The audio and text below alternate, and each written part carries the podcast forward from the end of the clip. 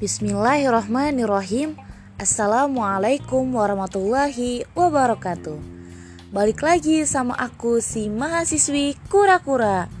Kuliah rareti, kuliah rareti Di kesempatan kali ini aku mau sharing sama kalian Tentang hukum pay letter Dalam perspektif Islam tentunya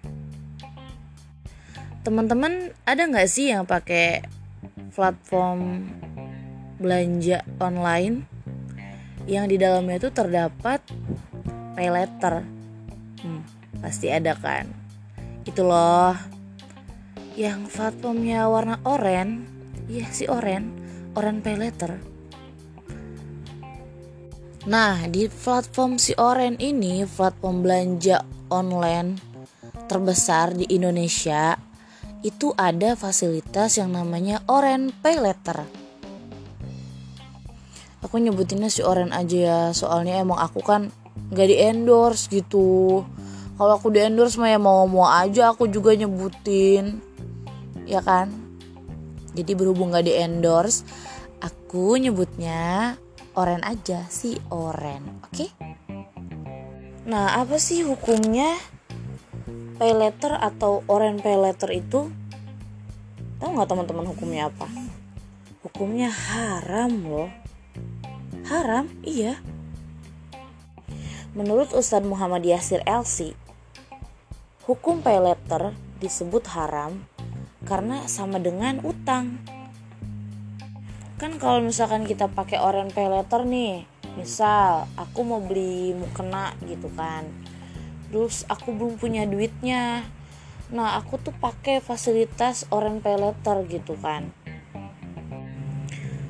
Nah di sini tuh disebutnya bukan pembiayaan tapi peminjaman. Kan kemarin aku udah bilang tuh kalau semisal pembiayaan tuh sama peminjaman beda kan. Kalau pembiayaan kita dibiayain.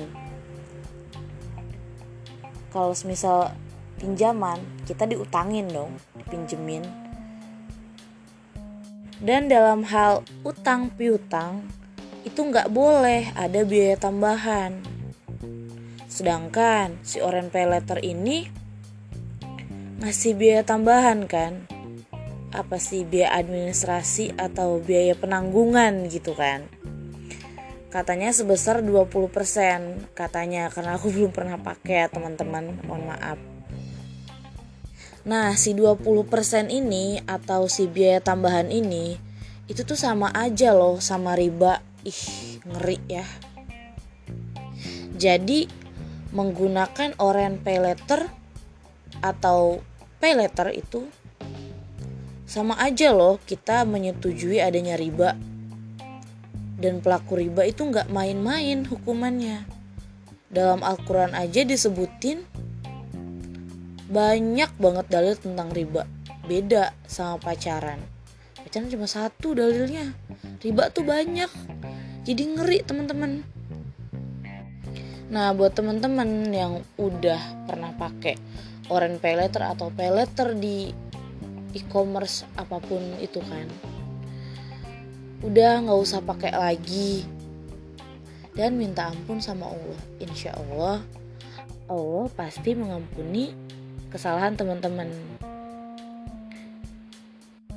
Jadi cukup sekian sharing aku kali ini tentang hukum pay letter dalam dalam perspektif Islam. Semoga membantu, semoga bermanfaat. Kurang lebihnya aku mohon maaf. Bila taufiq wal hidayah. Wassalamualaikum warahmatullahi wabarakatuh.